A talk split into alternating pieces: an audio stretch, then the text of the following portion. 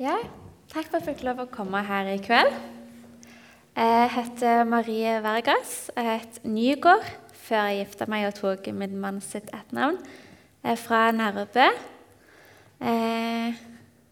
Vokste opp i NLM med far som jobber på Tryggheim. Og I begynnelsen da, var det sånn at da fulgte kona på kjøpet. Skulle plukke ribs og servere og sånn. Mm. Ja, jeg heter eh, Pablo. Eh, kommer fra Ecuador og Greipstad. Eh, født og oppvokst i Ecuador. Eh, Flytta til Greipstad. Eh, vokste opp der òg. og så reiste jeg litt sånn frem og tilbake. Studerte på Universitetet i Bergen, og så begynte å jobbe i laget i, her i Kristiansand. Og så ble, eh, fikk jeg anledning til å bli misjonær. Liksom, det var de lange trekkene. Mm. Nå skal vi kanskje begynne med når det vi møtte Jesus? Ja, eh, Som sagt så vokste jeg jo da opp i en NLM-familie, sånn typisk NLM-familie. Eh, så jeg har alltid vært kristen. Og det er jo mange som har sånn OK, jeg vokste opp i en kristen hjem, men da bestemte jeg meg for at jeg ville bli kristen. Så lenge jeg kan huske, så har jeg sett meg selv som kristen. Så jeg har liksom ikke det der sånn, det vendepunktet, eller det tok jeg stand. Så jeg har liksom alltid ja, alltid vært kristen. Alltid sett meg selv som kristen. Mm. Fordi jeg har en, litt annerledes historie. I og med at jeg er født og oppvokst i Ecuador, så eh, er konteksten annerledes. I, jeg ble født eh, uten å kjenne min far. Eh, min far og min mor de var ikke gift. Det var resultatet av en one night stand, om man kan si det så ærlig som det er. Eh, så jeg kjente ikke min far de første årene i livet mitt, eh, fram til jeg var åtte. Eh, jeg bodde med min mor og min storesøster, eh, og vi var katolske. Eh, mest av tradisjon. Det var sånn man i Sør-Amerika generelt Man er, går til kirka på søndager. Man er katolsk av en sånn kultur. En, en veldig bevisst valg, da. Eh, og så, når jeg var 18, eh, siste året på videregående, så, så, gikk en sånn prosess eh, i, i, meg da, der jeg, jeg, ville undersøke hva kristendommen handla om egentlig. Eh, og i den prosessen så, så oppdaga jeg noe som heter for apologetikk, eller trosforsvar. Der jeg så at kristendommen gir eh, gode svar til vanskelige spørsmål, til eksistensielle spørsmål. Eh, og det, det, det, ga meg en, en, en, fred. Men det som også gjorde at jeg til slutt valgte å følge etter Jesus, så var det det jeg så i livet mitt. Fordi som jeg sa, eh, så vokste jeg opp uten en far. Jeg vokste opp bare med min mor. Men når jeg var enten syv eller åtte, så traff jeg min far for første gang. Eh, det var ganske sterkt. Jeg husker det, det var en kveld der jeg, eh, jeg så på TV og skulle til å legge meg, og så sa, kom min mor sa at nå må du ta på deg noe fint fordi eh, du skal treffe din far. og jeg var, ok. ja, det var jo var ikke forberedt på det. Så, så, da gikk jeg og skifta, og så gikk jeg til stua, og da var jo min far der og bare Hei, er din far? Kom bort og Ja, Hyggelig. Eh, så, så det, var, det, var, veldig spesielt. Jeg husker at han var stor. Han så ut som julenissen. Eh, så det var eh, Ja, det var sterkt. Eh, og greia med dette var jo at han hadde tatt imot Jesus. Og den endringen gjorde at han leita etter meg. For i Sør-Amerika så er det dessverre sånn at i, det, det er vanlig å ha eh, barn på si, dessverre. Eh, man har noen med kona si, man har noen utenom. Og de man har utenom, ingen som bryr seg om dem. Det er bare ansvaret til, til kvinnen. Eh, men det som gjorde liksom, Pappa tok imot Jesus. Det er en historie i seg sjøl som jeg ikke trenger å ta, her. Men det gjorde at han endra livsstilen hans. Og han visste at han hadde en sønn en plass. Så han begynte å lete etter meg. Og når jeg var sju eller åtte, så, så traff han meg. Så fant han meg. Eh, og så når jeg tenkte på dette når jeg var 18, så tenkte jeg at hvor, hvor tilfeldig kan dette være? Er det, er det, tilfeldig, eller er det mer er Gud inne i bildet her?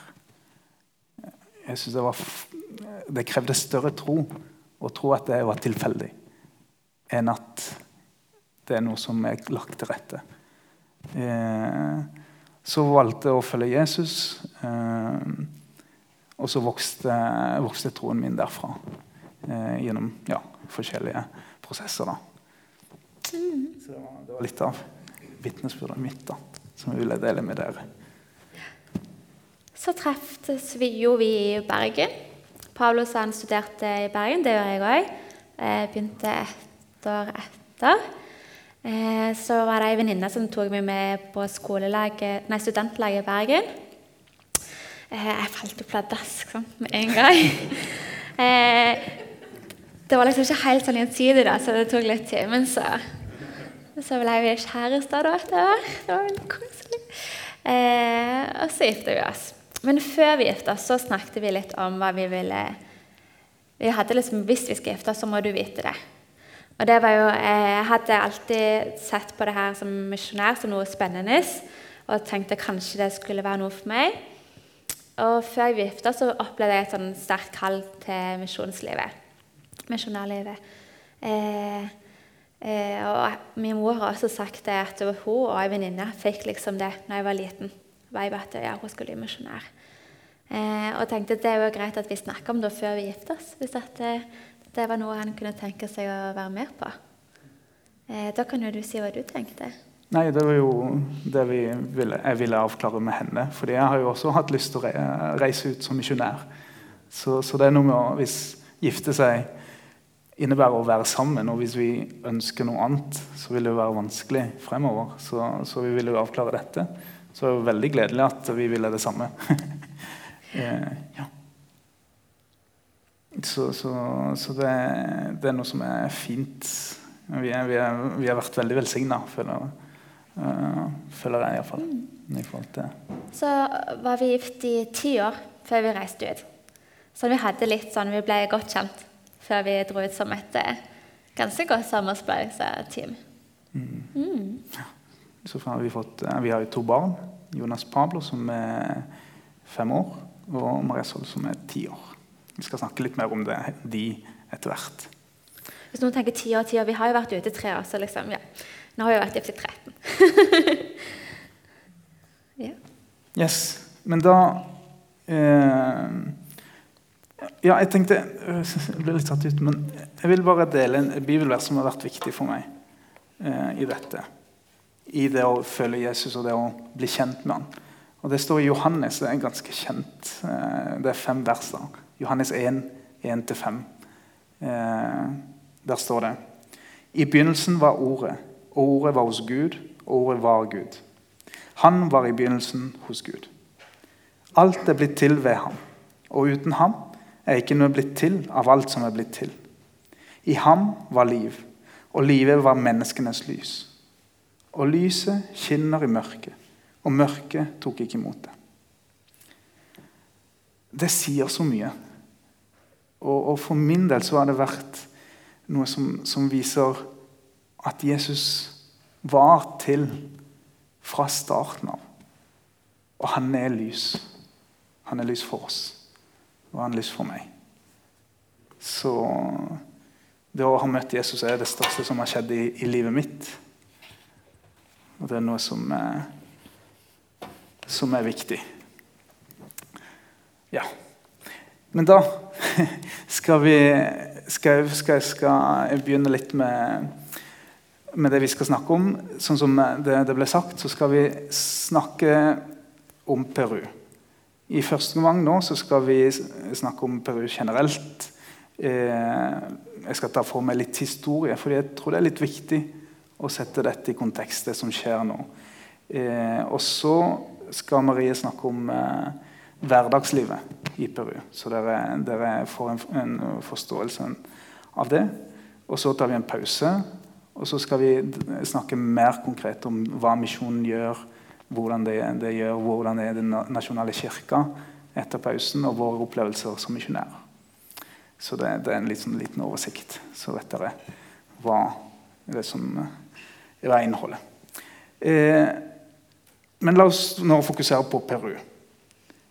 Eh, Inkariket for eh, 700-800 år siden det var jo kjempesvært. Eh, eh, det var jo hele, hele, nesten hele Sør-Amerika. Og så kom spanjolene.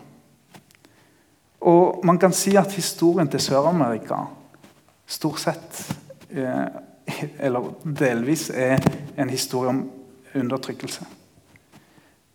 De innfødte de ble undertrykket. Eh, det, det, som er viktig å tenke på, er at det kom en makt utenfra. Og, og de spanjolene de var ute etter å utnytte alt det de kom over. De var ute etter gull, de var ute etter rikdommer. De brukte katolisismen som et verktøy for å utnytte. Og så ble jo indianere underlagt disse conquistadores. Eh, og så kom frigjøringsmakta, eller frigjøringskampen, tidlig på 1800-tallet. Men det som er interessant da, Man tenker jo kanskje frigjørelse at det, det er de, de, lokale eller de nasjonale som skulle drive fram kampen mot eh, eh spanjolene. sant? Frigjørelse. Men i Sør-Amerika så er det dessverre det var en kamp mellom spanjolere og de som satt på makta. Det her var eh, spanske etterkommere av disse spanjolene. Og greia her er det at spanjolere de, de ville sende penger til Spania og alle de krigene som, som foregikk her i Europa. sant? Eh, de spanske etterkommere de ville ha pengene for seg sjøl. De nasjonale, også innfødte urbefolkningen, de var ikke representert. De tenkte ikke på det. Det, det var noen folk som eh, eh, De skulle undertrykkes. De hadde ikke noe de skulle sagt. Så frigjøringskampen ble på en måte bare, de, Man bytta bare ut Ja. Skal, skal jeg slå den av, kanskje? Hallo? Ja. Hei. Men frigjøringa, frigjøringa var ikke for folket flest. Frigjøringa var bare for de som hadde makt, og som ville ha pengene sine holdt igjen. Eller på en måte de ville ha det med, eh, i landet sitt, men bare til seg sjøl.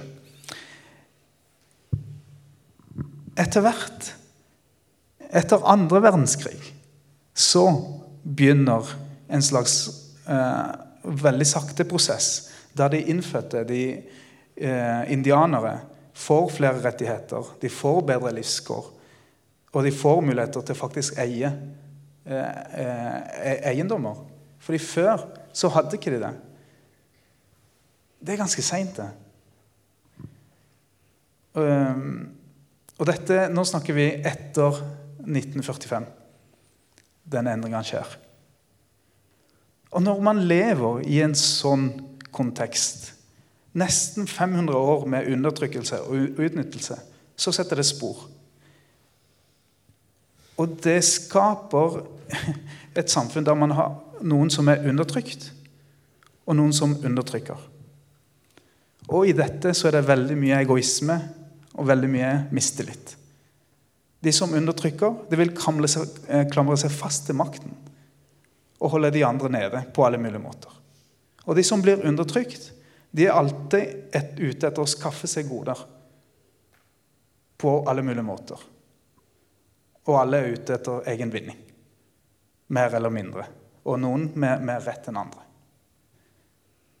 Men dette er grunnlaget for å forstå Sør-Amerikas største problem.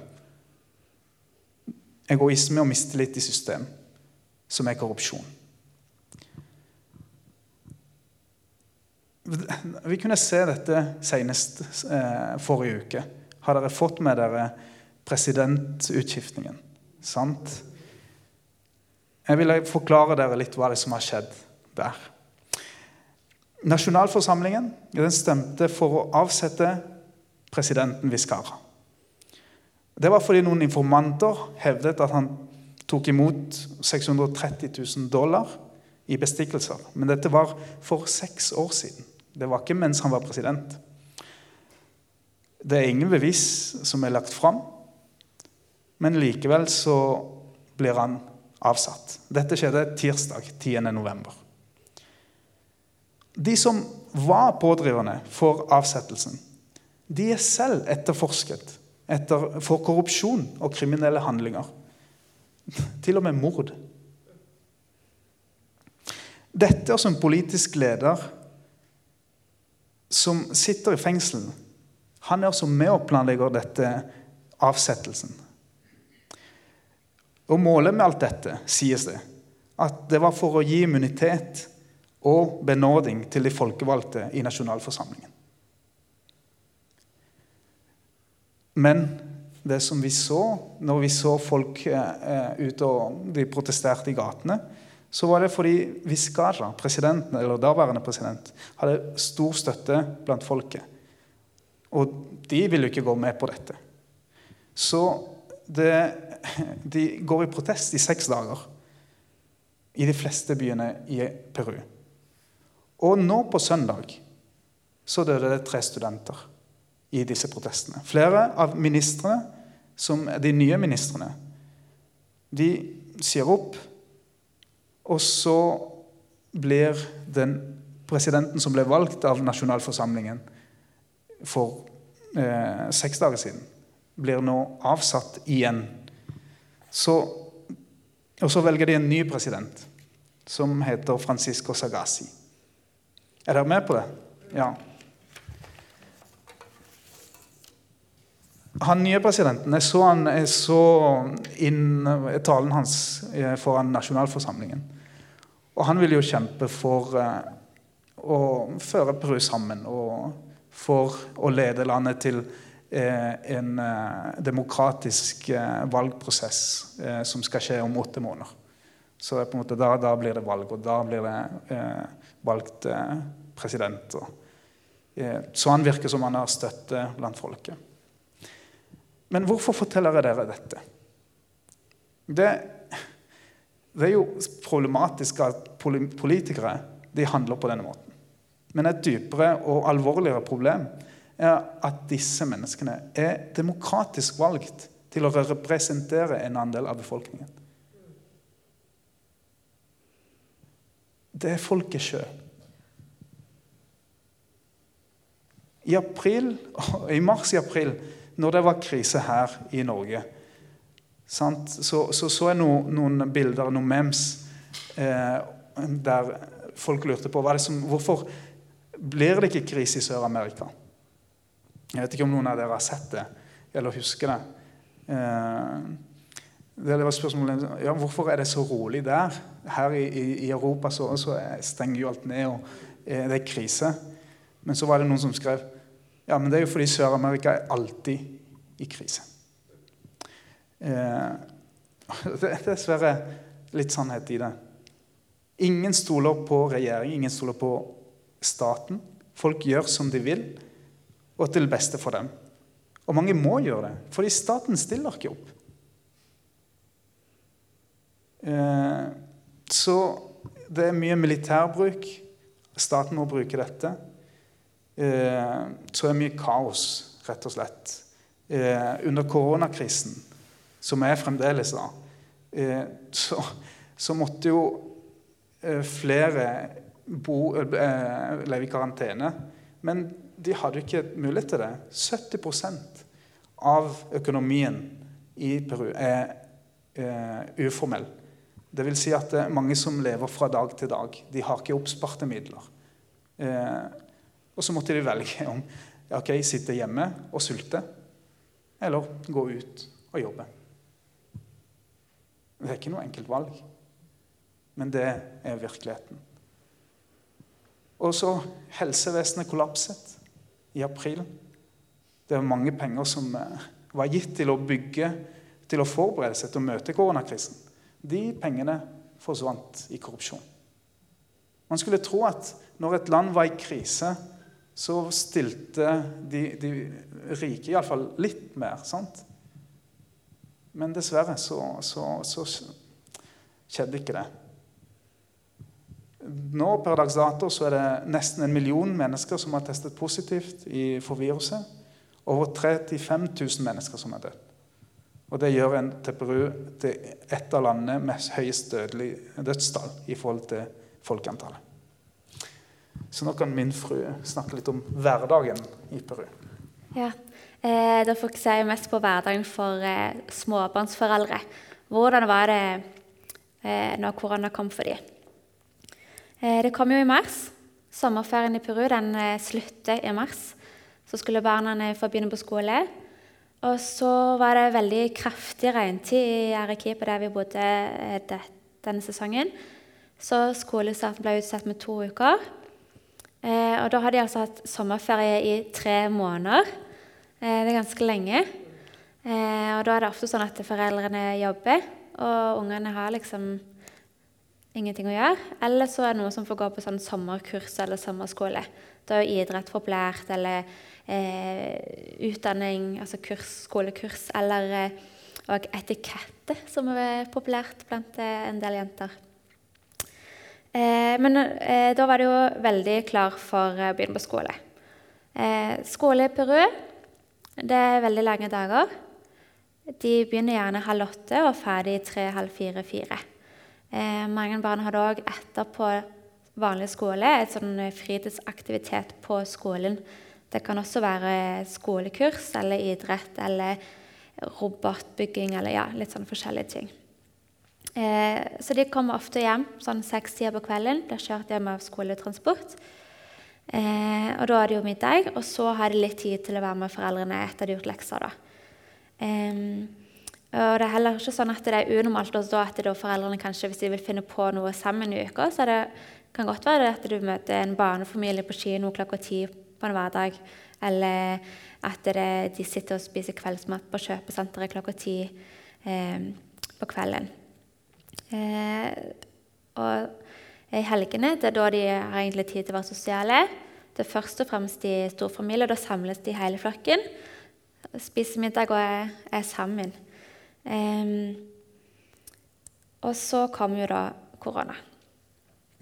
Endelig hadde jeg fått begynt å gå på skolen gikk det tre dager, så stengte skolene. Eh, det var jo ikke lett å vite helt hva som skulle skje i begynnelsen. Eh, men det som var sikkert, at barn ikke skulle gå på skole, og de fikk ikke lov til å gå ut. Altså Vi snakker ikke forbi døra.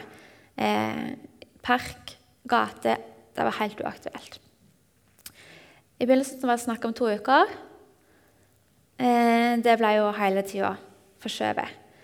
I begynnelsen så hadde de offentlige skoler én eller to timer undervisning på TV-kanal, sånn type barne-TV. Men altså, da ble det jo bare enveiskommunikasjon. Eh, og det her kutta du også ut, for det ble for kostbart. Eh, private skoler de hadde opplegg. Det ble mer og mer etter hvert. Eh, gjerne tre timer forelesning på Teams, altså ganske sånn som du gjør her i Norge. Og så hadde de gjerne lekser tilsvarende tre timer i tillegg etterpå. Og for de familiene som hadde mer enn ett barn, så ble det litt vanskelig å følge opp. Når ungene begynner sånn tredje-fjerde, så er det faktisk ganske avansert pensum. Matematikk og naturfag er mye lenger enn det vi prøver å lære ungene her i Norge. Eh, og det at de måtte ha et nettbrett eller en mobil eller en skjerm. Eh, de, de hadde én, så var de jo heldige. Hvis de hadde tre barn, så hadde de jo ikke mer enn én, så det ble jo veldig vanskelig. Og så er vi jo så heldige her i Norge at denne komplette shotdown ikke varte så lenge. I Peru så har ikke skolene begynt ennå. Altså, de har mista et helt år med skole. Eh, og så har de Det var just nå de fikk lov til å begynne å gå ut. At de fikk lov til å gå i parken, nærmeste park eller noe sånt, en halvtime til dagen. Eh, og så er det sånn at De som er over 16, de får lov til å gå ut. Eh, men de får ikke gå på kjøpesenter eller på kafé eller gå på kino og gjøre noe sånn gøy. Det er 18-årsgrense. Eh, altså, altså barn, eh, Det har vært veldig vanskelig for barn også. Og mange er jo da hjemme forlatt eller alene, kanskje med bestemor. Og du får ikke treffe barn. Du kan få gå i parken, du kan ikke få leke med noen. Eh, så jeg er, jeg er veldig bekymra for altså sånn psykologiske ettervirkninger et helt år med husarrest for barna. Det er helt grusomt, altså. Men det ser bedre ut. Eh, de sier at det skal begynne nytt skole i mars. Altså Nå er jo vanlig skoleferie i desember, og så skal de begynne i mars. Så vi kan jo være med, be, være med å be for, spesielt for barna i Peru at det, de må få lov, å, få lov, til å, gå ut og begynne på skole igjen. Mm.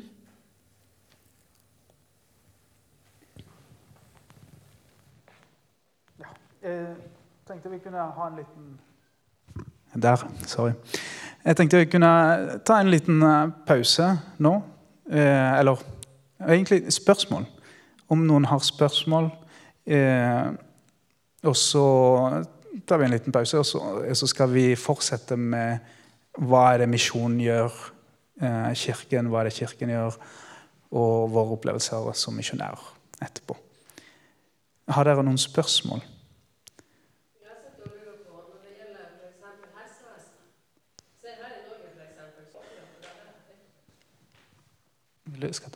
Ja, og så du, du, du, nevner noe grunn til at vi kom til Norge. Fordi helsevesenet i april kollapsa. Det som skjedde, var at eh, to sykehus i Arequipa de stengte ned i 24, nei, 48 timer. Altså, det ble, ingen kunne komme inn og ut av sykehusene fordi eh, det hadde Jeg skal det. Her er tredje mikrofon. Spiser de opp her. Eh, problemet er at de ikke hadde gode nok rutiner til å håndtere koronapandemien. Så folk er pasienter i hele avdelinger som ikke var i koronaavdeling, ble smitta. Og det var jo kjempefarlig. Så de måtte stenge ned eh, flere sykehus. Eh, for å få kontroll over dette. Og det, vi fikk vite at eh, folk som hadde korona, ikke kunne komme inn til sykehusene hvis de var skada eller hvis de hadde andre lidelser pga. smitte. Så det gjorde at okay, hvis våre unger plutselig skulle trenge legehjelp eh, og hadde korona, så ville ikke de ha kommet inn. Og hvis de ble lagt inn og ikke hadde korona, var, sjansen stor for at de ble smitta, og for at ble, eh, vi, vi, ikke hadde mulighet til å ha kontakt med dem. Eh, så, så det, det, det, er hvert kaos. Nå er det mye roligere. Eh, de er ferdig med den første bølgen. Men så, så, vet vi jo alle at det kommer en bølge til. Eller iallfall her i Europa så har det vært det. De regner med at i Peru så blir det samme. Men vi kommer litt tilbake til det, eh, hva kirka kan gjøre. For det, det, er en del kirker som har gjort Kan jeg bare si det nå, da? Eh, fordi at eh, eh, det ble et sånn eh, eh, Man kunne på en måte ha et hvitt flagg eller et hvitt høystykke vindu hvis man trengte hjelp. Altså både medisiner eller, eller mat altså hvis man trengte hjelp. Da. Og det er en del kirker som er samarbeidskirken med Bru, som hang seg på. Eh, og det kan være mange som ikke ville dra til sykehuset, for det var lange køer utenfor, du fikk ikke hjelp. Så da er det sånn, det som er mest nødvendig så for mange, er sånn oksygentank og sånn maske.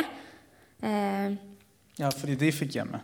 Det, det, det ordna de sjøl, faktisk. Mange, ja, de selv måtte skaffe. Eh, fordi de, de, kunne ikke dra til sykehuset for å skaffe seg oksygen. En ting var jo at det var lange køer. En annen ting er faren for å bli smitta av andre ting og sitte ute i kulden. Det var faktisk eh, lange køer i april, og i mai så var det lange køer ute for å få tak i oksygen. Og eh, ja, eh, vanskelige, vanskelige tider. Det, men, men, med sånne ting har eh, Kirken hjelp til med. Oksygentanker, eh, mat og eh, ja, andre medisiner som også ble anbefalt mot symptomene. Da. Mm. Hvordan klarte folk på landet seg? Altså byene én ting.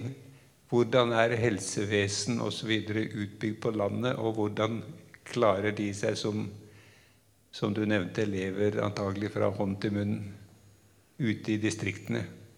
Der, der har det vært en del sult. Men de har klart seg overraskende bra fordi de har ikke fått smitten på den måten. De er langt unna. Eh, det var en, en tid, jeg tror det var i mai Om jeg ikke husker feil, mai eller juni, der busser fra Eller det som var at i, i Lima så bor det jo, som du sa, ni millioner mennesker. Mange av de er fra distriktene. Når de har stengt ned, når uh, ingen har lov til å bevege seg, så har ikke disse noe å leve for, eller leve fra. Ikke leve for, men uh, de har ikke noe inntektskilde. Så mange begynte faktisk å gå til hjembyene sine. Og dette er jo et svært land. Det, det er snakk om Fra Arequipa, der vi bodde, til Lima så er det 17 timers kjøretur. Det er fire ganger så stort som Norge, faktisk. i utstrekning. Ja, så folk begynte å gå. Eh, og disse ble bussa etter hvert, for de måtte jo komme seg hjem å, eh, eller til landsbyene sine for, for, å kunne overleve. Men de hadde messesmitten. da. Så, så det, var, det, gjorde at de også ble smitta, men det har vært håndtert på en, på en bedre måte. og det, det er ikke så mange der ute. Men vanligvis så må jo folk fra landsbygden trekke til byene for å komme seg til sykehusene. Mm, sånn på landsbygda i Peru, De aller fleste har kanskje noen åkerlapper med mais, mat, de har noen dyr. Så de hadde nok til å, altså poteter og ris, så de hadde til å livnære seg på, selv om de ikke kunne jobbe for andre. Mm.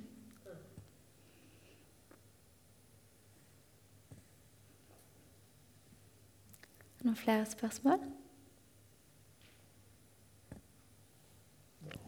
tror jeg vi tar en, en eh, to-fem minutters pause. Eller jeg vet ikke om, hvor lang tid er det vi trenger. jeg tror vi bare gir ordet til dere videre. at dere fortsetter. Der skal du ha. Så åpner vi opp for spørsmålene på slutten i tilfelle dere kommer på noe mer. Eh, som jeg sa, jeg synes jo, jeg, når jeg var vokst opp, så syntes jeg det var veldig spennende med det her misjon og sånn. Og jeg synes det var veldig spennende. Jeg husker det veldig godt, disse misjonærdamene som kom og hadde med masse ting å vise fram, og bilder og smaksprøver og sånn. Så jeg syns det er en veldig kjedelig utgave av det her. Da. Men, men altså, vi reiste jo da som koronaflyktninger i full fart med én koffert hver. Så det, bilder det ligger på ekstern harddisk hjemme i Peru. Og vi fikk ikke med oss noe annet sånn, å vise frem sånn i farta. Og planen var jo å være tilbake i Peru nå. Så jeg håper dere kan bære over med litt sånn kjedelig. Men jeg vil informere om eh, Sør-Amerika har en Facebook-profil. En felles for Peru og Bolivia. Og Der blir det lagt ut litt mer enn det som blir lagt ut på nlm.no. Så hvis dere har en sånn misjonsforening, eller noe sånt, så vil jeg anbefale å sjekke det. Og kanskje dele det og, og følge med på det. Eh, Sør-Amerika. Tror jeg bare heter det. Sør-Amerika på Facebook. NLM Sør-Amerika på Facebook.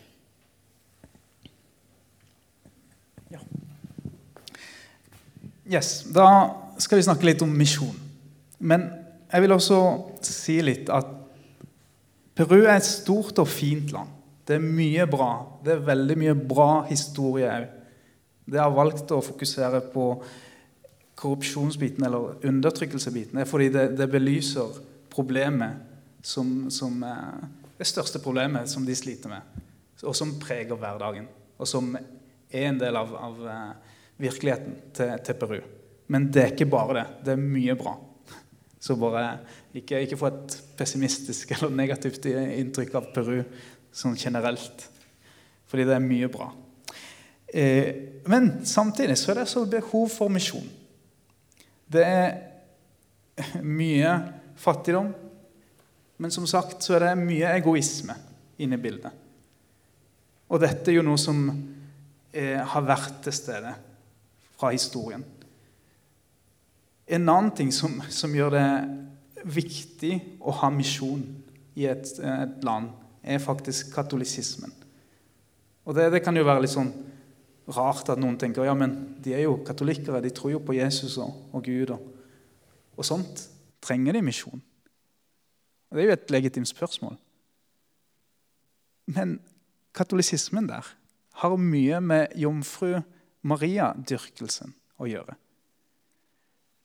Og helgen, helgener det, det er mange som kommer til kirka, sier kanskje 'Hei, Jesus'. Vi ber til Maria. Fordi det er hun som er mora til Gud.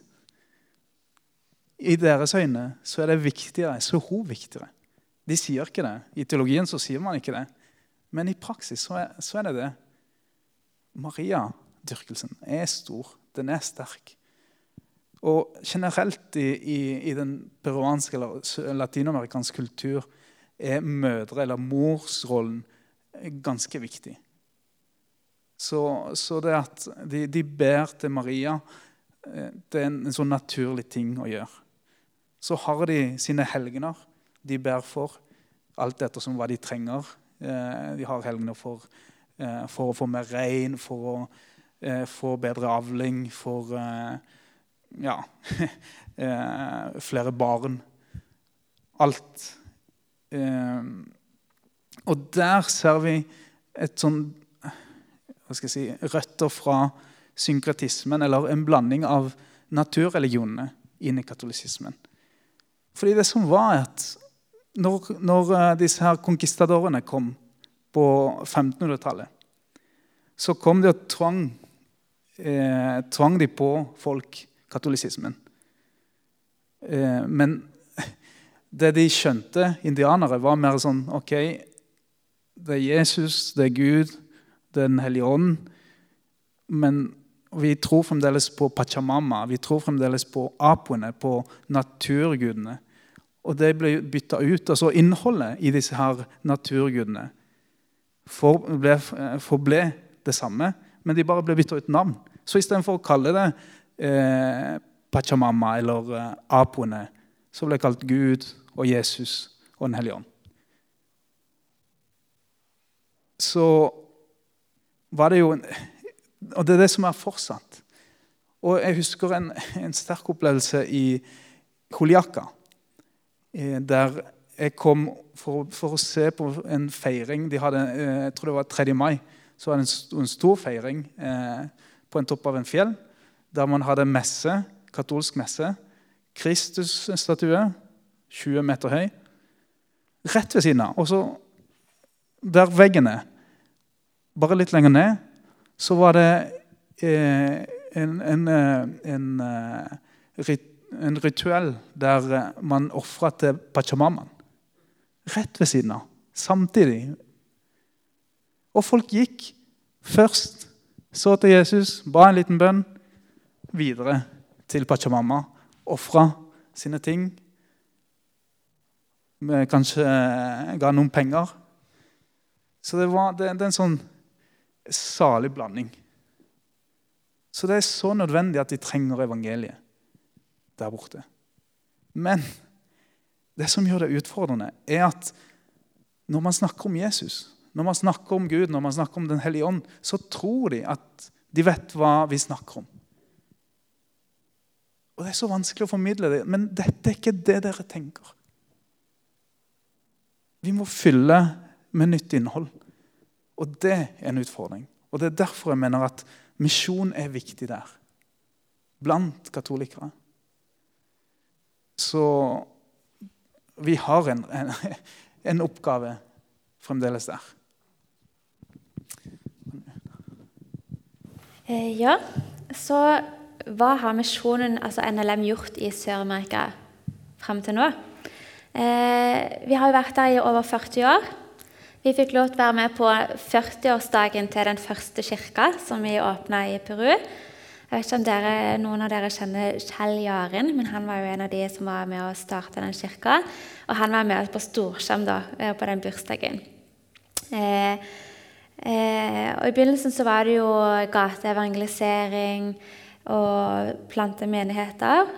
Og så fikk vi også etablert eh, bibelseminar, teologisk seminar. Eh, og det har også vært en del sånn prosjekter diakonale prosjekter eller sånn humanitært arbeid. Eh, det har også blitt drevet radio og TV. Først og fremst har det drevet, blitt drevet et arbeid i Arequipa, som er en by nesten helt sør i Peru. Eh, den ligger på fjellet, selv om de sjøl sier at den ligger med kysten. Eh, den ligger 2005 ca. over havet, men det er kysten, da, for de. Eh, og så har vi også konsentrert oss om eh, høyfjellet rundt eh, Titicaca, sjøen, Sivsjøen, som man kanskje sier på norsk. Og da snakker vi virkelig høyfjellet, altså da er det 4000 oppover det ligger på. så har det også vært noe arbeid i Cusco, som ble lagt ned pga. konflikter. Og så har vi to kirker i Takna. Det er helt nærme kysten, nesten på grensen til Chile. Eh, nå i dag så har vi fremdeles kirker i disse her områdene. Eh, vi har mellom 25 og 30 kirker eh, i Peru. Og når jeg sier vi, så ble det litt feil, egentlig, for nå er det ikke NLM sine kirker, men vi har gått over i en sånn vennskapsfase der kirka har blitt nasjonal. Og vi er mer som rådgivere, kan gi råd, tips, veiledning, støtte økonomisk fremdeles. Og da er jo det her med ledertrening det viktigste vi driver med nå. For at de selv skal ha gode ledere inne i kirkene. Eh, vi har et teologisk seminar som heter CETELA. Det ligger i Arequipa. Og der er det elever både fra Ecuador og Bolivia og Peru. Eh, og for de dere som leser nlm.no, så kan dere kanskje få med dere at eh, Bolivia nå ikke lenger vil sende studenter til Setela. Men allikevel så Peru altså, og Ecuador har sine studenter der. Eh, det er treårig teologiutdannelse, men det jobbes med å få det som høyskole, høyskolegodkjent. Sånn at de har papirer som er statlig dokumentert og godkjent som et offentlig vitnemål. Og Da er det snakk om å få femårig, så du kan velge pastorutdanning eller teologiutdanning. Mm. Og så eh, har vi fått et leirsted ved kysten. Og så holder vi òg nå på å bygge et leirsted oppe i området, faktisk på stranda, som de sier, til Titicacasjøen. Eh, og det er et veldig spennende prosjekt. Det er et område som det bor to folkegrupper, urbefolkning som er regnet som unådd. Og det er vel Den nasjonale kirka nå gå inn og eh, plante, begynne nytt arbeid, pløye ny mark og få til nybrottsarbeid. Eh, så det her leirstedet blir på en måte midt i smørøyet av der som de tenker å starte nye menigheter. Så skal det òg bli Eller det er jo begynt. Vi har begynt faktisk med en nyplanting i Kosko by.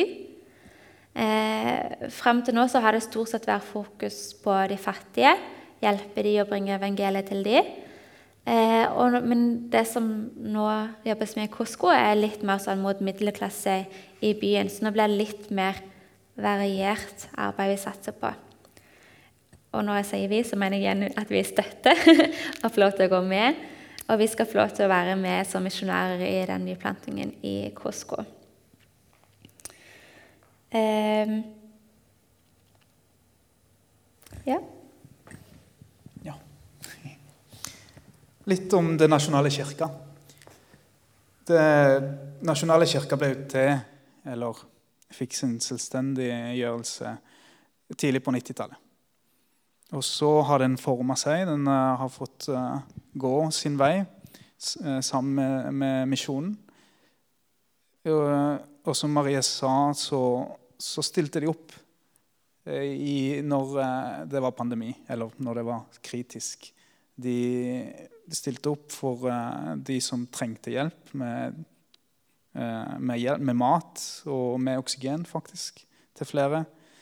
Uh, men vært, de måtte ha gått gjennom en omstilling, sånn som her. Hvordan, hva skjer når ikke vi kan møtes fysisk? Hvordan, hvordan kan vi fortsette det fellesskapet. Og de brukte mye tid på møte på nett. Hver dag har de hatt faktisk tre møter om dagen. En til frokost, en til middag og en til kvelds. Så, så har de på en måte De har mye program. Eh, de, de, har eh, mye andakter. Gudstjeneste sender de eh, hver søndag. De fleste menigheter har sine egne gudstjenester som de sender på Facebook. Jeg har sendt en del taler til, til de menighetene òg, så det, det, er litt trivelig å få være med og støtte der i det, dette skiftet. En utfordring for dem er økonomien. Eh, de sleit nok fra før av, men nå er det enda verre. Fordi folk kan ikke komme og gi sine eh, eh, ja, kollektgave til, til pastorene.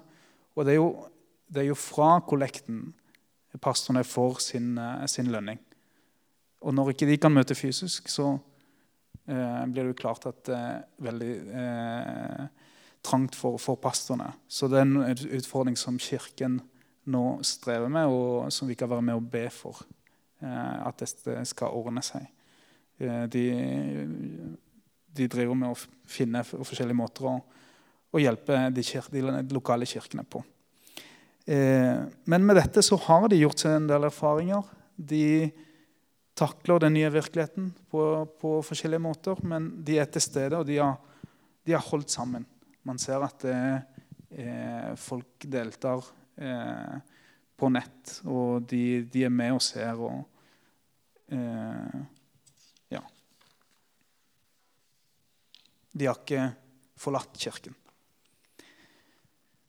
Så det, det er litt om Nasjonalkirken. Eh, Nasjonalkirken er jo bygd opp Det har jo en styre, en, eh, en sånn ledergruppe. Og så er det en nasjonal pastor, og så er det lokale pastor for hver menighet. Og de samles i hver sin sone. Så det, det, er jo sånn det er forma administrativt. Ja. Jeg har sett en sånn utvikling på om det skal kalles pastor eller leder. De fleste menighetene har jo en sånn eldsteråd, litt sånn som vi har i Norge mange forsamlinger. Men så har det òg der vært en sånn eh, utvikling i at de fleste vil ha en pastor. Eh, så, så, vil jeg også si at På nett har du også hatt eh, kvinneleir i år. Eh, som har vært større enn det de har hatt eh, fysisk. Det pleier å være årets happening hvis du er dame og går i kirke, samarbeidskirkene. Så har det vært bare enda større oppmøte, så det syns jeg er veldig gøy å se. Ofte så er det jo mennene som er mest delaktige på disse her Facebook-nett, men damene klarte å koble seg på, de òg. Også. Så det var, det var, veldig gøy å se. Og det har òg vært søndagsskole på nett. Så det, det skjer mye bra. Eh, tenkte Vi ville snakke litt om våre personlige erfaringer. litt sånn eh, eh Kanskje sånn stereotyper og forventninger eh, versus virkeligheten. Eh, Selv så, så jo, altså sånn jeg følte alle misjonærene som kom og fortalte på barnelag og lærer, var det på en måte litt like. Litt sånn robuste. Snakka gjerne jærsk. Eh, jeg har gjort det en gang i tida. Den har blitt litt sånn avslepen. Jeg veldig, jeg gjør kanskje ikke så mye, jeg er litt liten. Eh, men det, som, det var noen ting som gikk igjen. Det var som alltid det kjørte. Og pga. regntida så satte det seg fast. Sant? Dere har sikkert hørt det. Og det var alltid mange smilende barn, og så var det alltid liksom at de kunne få hjelpe. Det var, jeg følte det var mye sånn de sjøl som bretta opp armene og liksom skikkelig gjorde masse flott arbeid.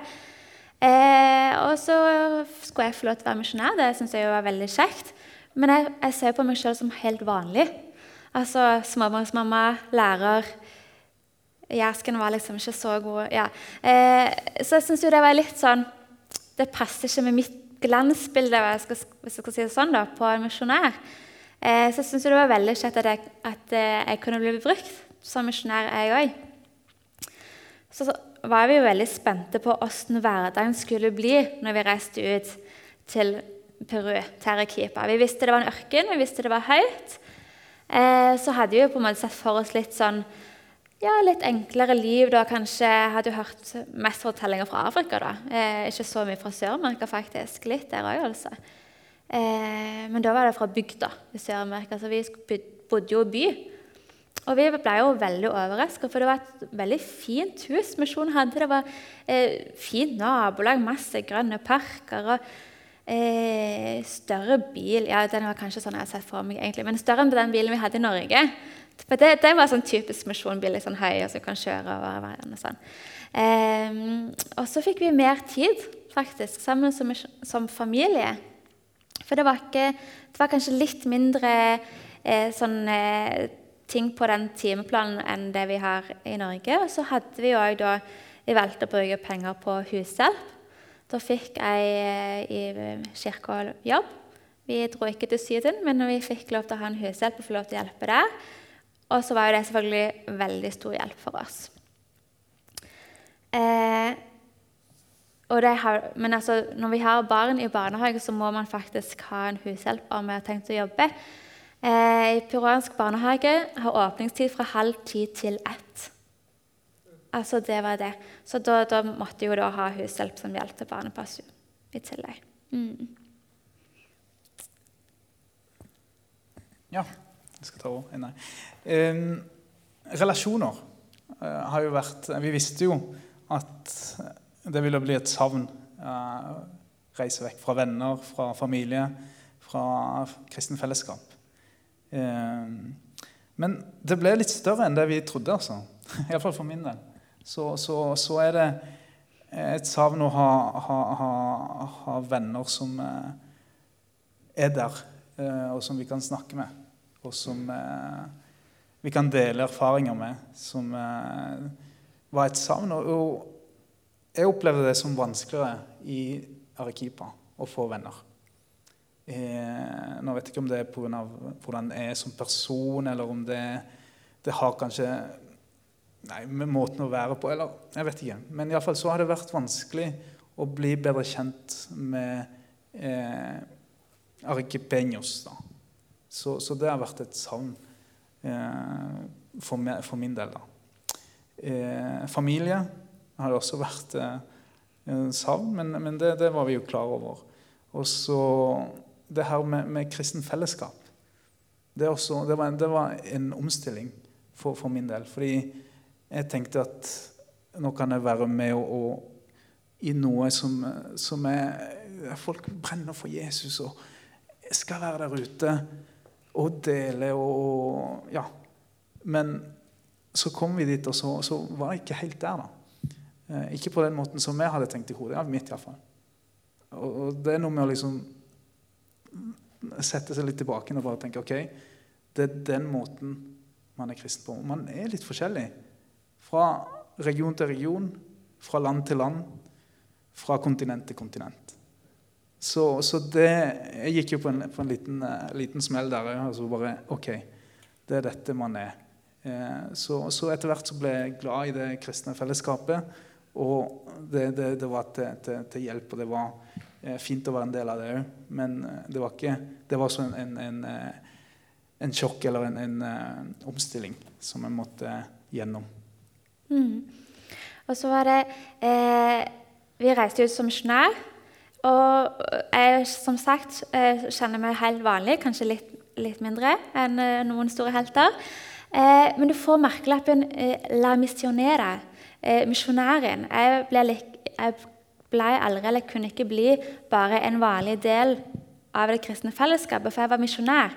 Og selv om jeg prøver å si at jeg er jo en av dere, så setter de meg der, på en sånn pidestall, for jeg er misjonær. Og hvis det er sånn, vi skal ha et lite sånn styremøte på søndagsskolen Jeg var frivillig der. Så var det sånn Ja, kan ikke du, eh, misjonæren, eh, be? Eh, ja, men Kan ikke du, misjonæren, si hva vi bør gjøre her? Jeg ble liksom ikke en del. Jeg fikk liksom alltid den merkelappen at jeg er misjonær, og at de, de, at liksom, de satte meg opp. At ikke jeg var på deres bølgelengde, eller hva jeg skal si. som ikke sånn, Det var ikke balanse. Eh, det syns jeg var litt vanskelig. For hvordan skal man da man prøver jo å si det, ja, men vi er jo bare sånn som du. Vi er jo helt like. Nei, det er vi ikke. Du er misjonær. Eh, og da ble det litt vanskelig med disse her nære relasjonene. For da kan de komme. Ja, men hva syns du? Hva kan jeg gjøre? Eh, hva bør jeg gjøre nå? Hva syns du om dette? Jeg tenkte litt sånn, men du må si.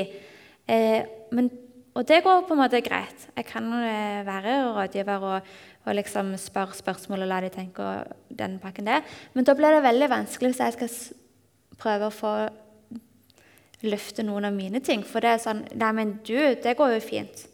Eh, du trenger jo ikke hjelp. Og jeg kan, jeg kan iallfall ikke høre på eller hjelpe noen ting der. Så jeg savner litt det der tette vennskapet. i kristen setting. Eh, men jeg fikk eh, andre nære, gode venner som jeg kunne føle jeg kunne løfte sånne andre ting, mine problemer, med. Jeg kommer litt tilbake til det. For vi har jo altså to barn. Eh, minsten han gikk i barnehage, eh, som da som sagt varte veldig kort. Og det var jo da egentlig skole.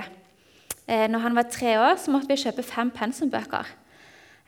Det var en i språk, det var en i matematikk, det var en i engelsk. Treåring. Eh, og det var en i logisk tenkning og en i samfunnsfag. Eh, og så Det var liksom ikke sånn små bøker som et ord på hver side. Det var liksom av tre ark, plansjer, så tjukk bunke, som de skulle da jobbe i når de var i barnehagen. Eh, og det var ikke bare denne pakken med pensum. Dette var litt sånn sjokk for meg, men du, skulle, du fikk en lang liste eh, med ting du måtte kjøpe inn til barnehagen. Vi betaler jo for barnehage, som man gjør i Norge òg, men det var disse tingene i tillegg. Altså, det var eh, dopapir, tørkepapir, 14 forskjellige typer ark. Altså Google sier ark ark, men det er det altså ikke. Det er 13 forskjellige typer papp og ark og glitter og uten glitter og skumgummi. Og, ja. eh, så den lista lærte jeg sånne ting lærte jeg ganske fort. Og sakser med forskjellige mønster, forskjellige typer lim. Altså Det ble sånn, to sånn svære esker. Um, så det var jo veldig nytt. Og så måtte du ha uniform. Men altså, uniform den likte jeg. Det må jeg bare si. Det var ikke noe sånn spørsmål om hva en skulle ha på, for det var jo uniformen. Og så hadde de sånn veldig slitesterkt, nesten litt sånn eh, treningsaktig stoff som tålte masse leg. Eh, nå jeg henter i barnehagen i Norge, det er det meste som gjør nå, da. Men i hvert fall da er det ofte litt sånn skitten. ok, her er skiftet. Men det de gjør i Peru før de sender barna hjem, det er at de vasker ansiktet, pusser tennene, greier hår og sprøyer dem med parfyme. Eh, for sånn at de kanskje sender hjem noen som ikke ser representabel ut. Eh, men han trivdes, trivdes veldig godt i barnehage. Og hvert år han gikk i kristen barnehage, hvert år så hadde de sånn svært flott julespill. Eh, og det her det har de jobbet masse med. Også, for der vår lille fireåring kunne jo mange replikker og var keiser Augustus. og det, det, det, var veldig gøy å se. Litt mer sånn ambisiøst på den fronten òg, kanskje. Eh, så han går på fotballskole. Eh, når han var fire år, så vi kan begynne med det. Han syns det er dumt at han må vente til han er seks år her i Norge, da, men der er det fire. Eh, og da kjører de rett på. Tre treninger i uka. Eh, trener, eh, og det er liksom trener på sikksakk og sentring og pasning.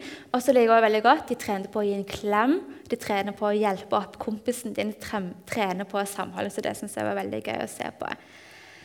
Men, men, det er ikke sånn alle skal med. Det, det er ikke sånn altså. De har A-lag og B-lag, fireåringene. Så begynte jo når han var fire, de andre begynte når han var tre, sånn, så da kom ikke han med på A-laget. Eh, det skjønte han veldig godt, for han var ikke god nok. Det var helt greit, det. Eh, men så kom, var det en som ble eh, syk, så da kom endelig vår sønn med på A-laget. Nå skulle han endelig få en sånn fin pokal, men da kom korona. Så han har ikke fått spilt kamp ennå. Men, men det kommer nok. Og ellers da etter barnehage og lekser. Det er jo lekser i barnehagen, så de gjør med hushjelp. Og etter de har gjort lekser, så går de en tur i parken. Og Da er det ofte andre barn også som er ute og leker. Og han ser jo på seg selv som en peruaner. Så sa jeg, så fint du kan spille fotball, for landslaget trenger deg. Ja, ja, han skal spille på landslaget med vennene sine når han blir voksen. Ja, for Norge de er ikke så gode vet du, i fotball. Ja, men han skal jo spille for Peru. Så det at vi har en peruaner der også. Eh, det går veldig fint for han å bo i Norge òg, synes det er fint, men han har liksom, sin identitet er peruaner. Eh, jenta vår hun eh, er jo som sagt ti nå. Hun begynte jo på skole. Eh, I prosessen før vi reiste ut, så var det tenkt at hun skulle gå på norsk skole. Men før vi kom så langt at vi var kommet til Peru, så var den skolen lagt ned. For da var det bare to elever igjen. Og det er klart med to elever da har du, ikke, du kan ikke snakke om noe skolemiljø. Så det vi gjorde, det var at vi hadde kontakt med et, en privat skole. Så hadde veldig sånn moderne pedagogikk, egentlig. Eh, I motsetning til ganske mange andre skoler. Eh, det var cooperative learning. Det har vi nettopp rundt å bruke på den skolen som vi jobber på Oasen nå. virkelig. Eh, og det var mye lek, og det var gøy. Eh, og så fikk de lov til å være, ha status som fri elev. Det betydde at vi kunne ta dem ut fra deres klasserom fem timer i uka. Så fikk vi bygd et sånt klasserom på skoletomta, som var mitt. Så da fikk de komme ned der, hadde norsk med dem, og så fikk de komme inn i en time. Eh, så vi syntes det fungerte veldig fint som istedenfor eh, norsk skole. Da hadde de, de, hadde en klasse, de fikk mange venner, de lærte seg godt spansk, de ble godt integrert i kulturen. Eh, og så ble det ikke så sårbart heller da, når en familie reiser hjem. Eh, da var det òg uniform, selvfølgelig. Og altså, det er altså så praktisk. Du trenger to sett, og så trenger du ingenting mer. Eh, da er det en formell uniform. Eh, hun er jo jente, så da er det sånn skjørt. Men der var det siden de skulle leke så mye, så hadde de egentlig bare sånn shorts under skjørtet. Eh, og strømper. Sko de må jo pusses hver søndag, minst. Eh, bluse, vest, sløyfe. Og så håret skal være oppsatt, og det skal ikke være øredobber, ikke sminke, ikke neglelakk. Og de blir sjekka neglene da, en gang i uka. Og for så vidt resten av uniformen òg, så de, er veldig nøyne på det, åssen du ser ut. Eh, og det kan vi faktisk merke at det har satt sine spor. Eh, jentene kan ikke gå ut av huset før vi greier håret ordentlig. eller hun har greid håret. Ja, men, eh, ja, men hvorfor sa du ikke det? Mamma, jeg må gå og skifte, og så må jeg greie håret. Så det, det, det, har satt sine spor. altså. Eh, det er ikke så negativt, det, men altså, det merker man. Etterpå det er jo veldig søramerikaner. Eh, hun fant etter hvert ut eh, at hun kunne begynne på turn der. Da gikk hun på Søgne, syntes det var kjempegøy. En time i uka lek. Så traff vi noen andre misjonærunger som gikk på turn, og sa at hun kunne få begynne i turnklubben deres. da.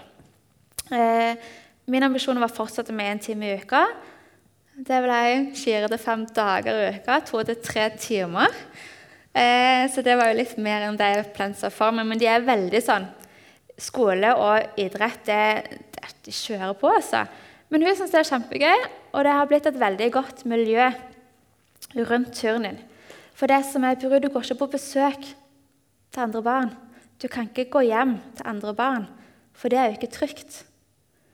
Jeg har hatt besøk av noen fra klassen to ganger. og Da, sitter, da kommer besteforeldrene med. Sant? For foreldrene er på jobb til klokka 6 Så følger besteforeldrene. Så da, okay, da må vi sitte og underholde dem. Eh, så det ble jo litt sånn eh, Jeg hadde jo tenkt kanskje jeg skulle gjøre litt husarbeid. Nei, det ble jo ikke det. Eh, men det har som sagt bare vært to ganger, og da måtte jeg forklare veldig mange runder at nei, hun har ikke bursdag. Eh, nei, det var ikke noe spesielt. Det er bare sånn vi gjør i Norge, å invitere på besøk. Eh, så vi skjønte at det var egentlig ikke, det var ikke sånn man gjorde. Men, men på fritidsklubb da har du stort nettverk. Det er der du har vennene dine utenom skolen.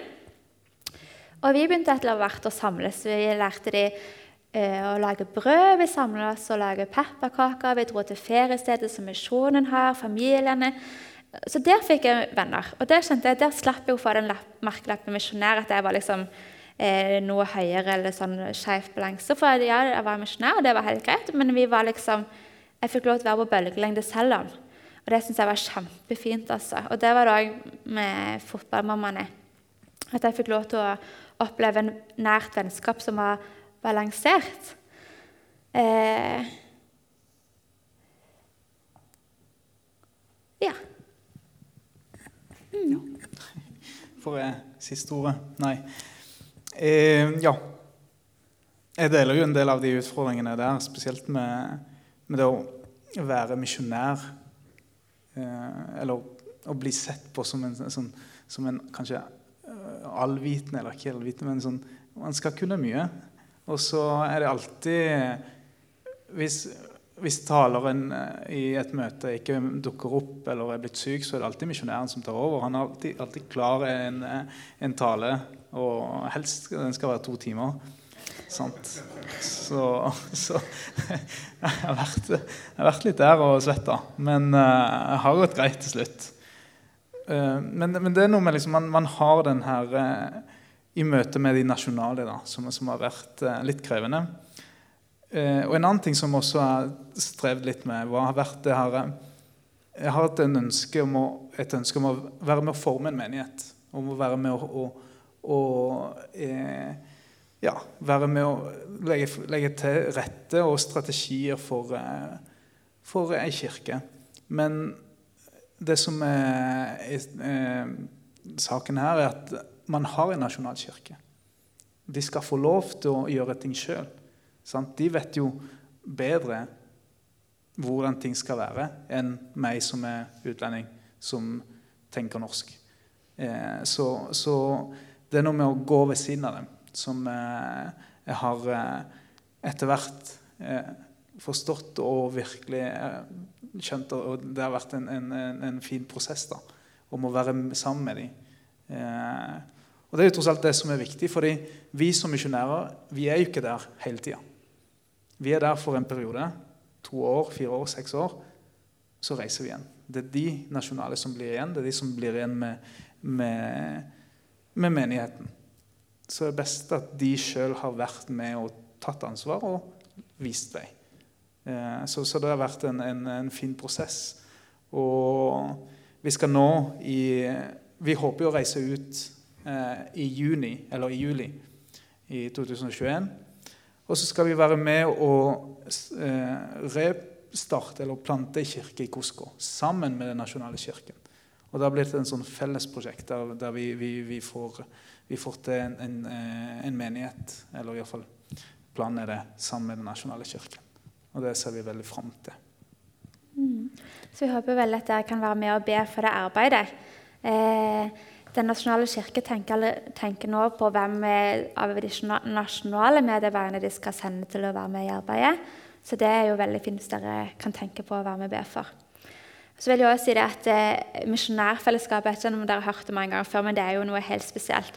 Det blir jo reservebesteforeldre, reservetante, det blir venner, og det blir også eh, åndelig påfyll. da. Det er der vi kanskje får, får noe sjøl, og ikke bare skal gi.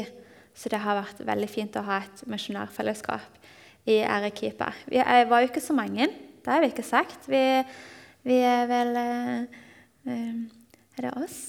Hvis jeg teller voksne, da. og så har det vært et ektepar og et ektepar med barn. Og så er det et nytt ektepar og ei som er enestående. Jeg sier det sånn, nei. Ikke enslig, men enestående. Det høres litt mer positivt ut. Så vi er bare ni da, som bor i Arequipa, så det er jo ikke så veldig stort.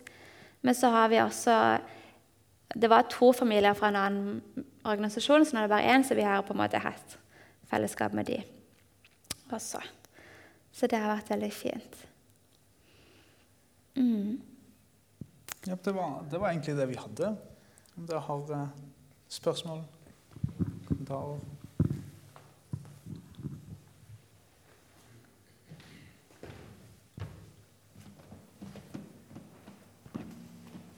Spørsmål helt på tampen?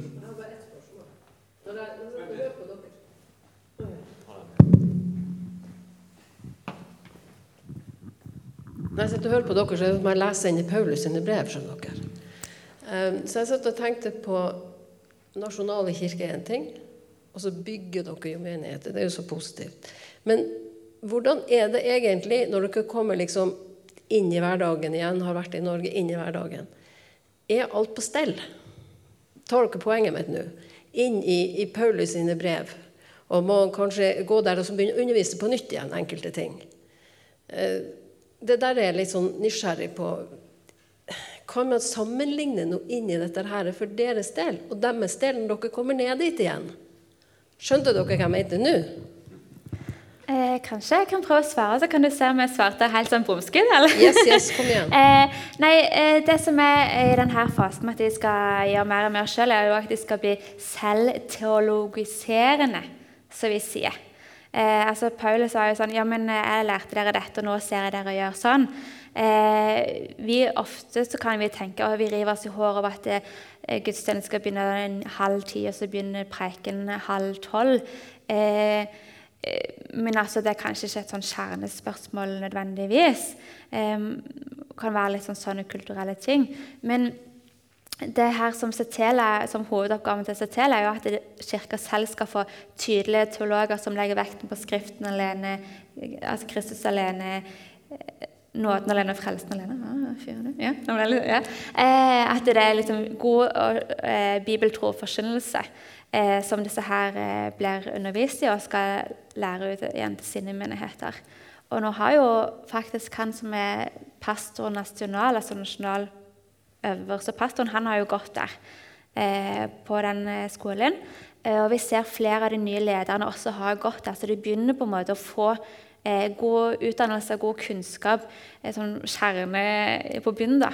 Og jeg vil kanskje si at de er enda mer opptatt av, oss, av at de er en luthersk. Og det her er det lutherske, og det er viktig at vi holder oss ikke bare til Bibelen, men òg det som er luthersk.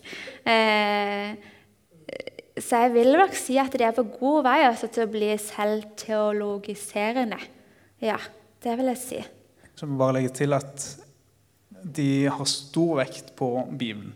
Mm. Bibelen er kjernen i eh, gudstjenestene, og leser mye av det. Det er et sånn ønske om å få folk til å lese mer. Så det er en forankring som, som er godt i kirkene. Mm. Da kan jeg Forsto vi spørsmålet riktig? Ja, ok, bra. okay. Du sa at det er ni misjonærer i Arequipa. Eh, hva gjør alle de ni? Er alle ni veiledere i én kirke? Så kan jo det høres litt kaotisk ut. Helt konkret type oppgaver som en står i ja. i dag. Ja, nå er jo eh, noen De som er der nå igjen, det er jo bare tre, da. Eh, Pga. korona. Eh, da har du sjefen. og eh, han som er gift med sjefen, han har studert språk nå. Han skal gjøre det frem til jul. Han kom ut når hun gifta seg. Så det er litt gøy at vi kan gjøre det den veien òg. At det ikke bare er kona som følger mannen, men mannen følger kona. Eh, så han har ingen andre oppgaver eh, før han er ferdig med språk. Ja, eh, Marianne Lindsjøen Tormesæter er sjef, stedlig representant i Sør-Amerika. Svein Harald Lindsjøen. Eh, Lindsjøen da fra Jæren, etternavnet, etter sånn jeg har forstått. Og så eh, Ingebjørg Martinussen. Hun er der. Hun har eh, ansvar for eh, et eh, kristendomsarbeid som retter mot menighet. skolene til det er ikke lenger Den nasjonale kirke som har egne kristne skoler, men de samarbeider tett. Den ene er det fremdeles. Diego Thomsen er fremdeles Den nasjonale kirka si. Men så er det flere skoler som på en måte har hengt seg på dette prosjektet med å få en egen eh, læreplan for kristendomsfaget. At det skal bli en grundig, eh, god undervisning på skolene. Og der treffer det jo mange. Eh, og så jobber hun òg mot eh, ungdom i kirkene. Og så er det sånn at Når vi kommer ut, så får vi tildelt en kirke vi går i. Sånn at det, det er ingen kirke der det er to misjonærfamilier eller to misjonærer. Vi blir spredt, sånn at eh, vi kan eh, spre våre ekstra hender litt eh, i menighetene. Eh, så det er jo de som er i da. Men så er det Setela. Det er noen lærere på Setela som også er misjonærer. Mm. Flere ja, jeg, jeg, var jo da lærer. Hun hadde hovedansvar for barn, kommunikasjonsansvarlig. Og Så er det noen som driver med menighetsplanting i Takna. Ja. Eh, der er jo styrer med, med å hjelpe. Og så er det noen som skal reise ut og eh, være med å eh, hjelpe Kirken til å starte kirker i eh, Aymara-land. Så det er en av befolkningen som er minst unådd. Nei, mest Nei. Minst nådd. Minst nådd der. Ja. Eh, ja, så Og så er det pastoralveiledning. Eh, ja, det er egentlig mest midler inn mot Setela, med lærere og, og studieansvarlig der. Mm. Eh, jeg tenkte på hvordan blir skjæringspunktet mellom den evangeliske og katolisismen? Blir det sånn at de blir aggressive, eller blir de, bryr de seg ikke? Kan du si litt om, om det? Ja, det, det, Dessverre så er det veldig polarisert. Der katolikker, katolikkere de ser på evangeliske generelt, evangeliske som eh, kultledere eller kult, eh, kult som eh, Sektoriske. sekt, sektiske. Sektoriske, ja. Riktig. Så, eller som noen som kanskje har en litt bedre forståelse, som eh, resentidos. Jeg vet ikke hva. Eh, mot, altså stride mot, eller. Nei, res, Resentidos. Der kom spansken inn. Altså. Man, man er liksom en lillebror som er, som er litt sånn eh, fornærma. Fornærma. Fordi de kjenner ut av historien til Luther, ikke sant? Som, som ville ja, Ifølge de, da, så, så ville han vekk fra kirken sant? og splitte. Og så er det en lillebror som, som er eh, fornærma. Det, det er jo sånn de ser på, på, på oss evangeliske. Mens de nasjonale evangeliske ser på katolske som eh, det, det, Disse er hedninger som vi må bare gå på og, og omvende, fordi de tilhører Satan. ja, eller mange ville kanskje heller si eh, sånn hedendyrkelse. Hedendyrkelse. Hedendyrkelse. Men bak det så er det jo djevel. Det er mye åndelig eh, språkbruk der. Og det er på en måte, den virkenen er jo en, en eh, det, er ikke, det, er ikke, det er jo avgudsdyrkelse. sant? Og, og dette kan ikke de holde på med, og vi, vi, vi kan ikke ha noe fellesskap med, med disse katolikkene. Jeg har ikke vært på en katolsk messe, men fra våre samarbeidskirker så er ikke det her noe som blir preka fra Prekestolen, at de er sånn og sånn. Ikke så jeg har hørt, i hvert fall, men det er den oppfatningen som mange har. Og de er veldig redde for det, at de, de er i hvert fall ikke katolske. Så de liksom tar veldig avstand fra det katolske. Mm. Pablo og Marie, dere har eh, i kveld på en måte åpna dører, vinduer, til et Peru og et arbeid som eh, iallfall for meg At jeg ser det på en helt annen måte. Og eh, jeg vil gjerne takke dere også for å ha vært så personlige og fortalt så personlig om hverdagen og opplevelser, hva dere føler. For det har hjulpet iallfall meg, og sikkert mange, til å leve seg inn i hva det er å være utsendinger til Peru. Så eh, har det plutselig dukka opp eh, nye bønneevner. Og eh, vi vil be litt sammen i kveld før vi går fra hverandre. Og er en eh, jeg leste for mange år siden en kristelig som sa at eh, en viktig del av misjonsarbeidet foregår på misjonsvennenes lønnkammer. Vi kan ikke reise til Peru, men vi kan på en måte likevel reise til Peru i våre bønner. Og dere har hjulpet oss til å bli minnet om det på en veldig fin måte. Så eh, det vil jeg si takk for. Og hvis det er noen som føler kall også til å gi noe, så fungerer vipsen, tror jeg, hele tiden. Ikke sant, Frank? Ja. Men eh, det var den saken. Det får dere ta opp på lønnkammeret, det også. Vi vil takke dere veldig for at dere kom hit og delte med oss. Og takk til hver enkelt som kom hit. Og nå eh, ber vi sammen. Kjære Jesus, vi takker deg for at vi får lov å samles på denne måten. Og jeg takker deg nå for eh, det du har vist oss gjennom disse våre to utsendinger. Vi takker deg for kirka der ute. Vi takker deg for trosbrødre og -søstre. Vi takker deg for barn. Vi takker deg for alt som har skjedd der, og vi ber spesielt nå for Peru, for landet, for folket, for situasjonen der. Skap fred og forsoning, og velsign kirka der, Jesus, at den må finne sin vei, og at du må ved din Hellige Ånd lede og hjelpe. Og så må du hjelpe oss som er her, at vi er med i bønn og omtanke. også for Peru. Vi takker deg for at vi fikk del i ditt kall og skal få være med.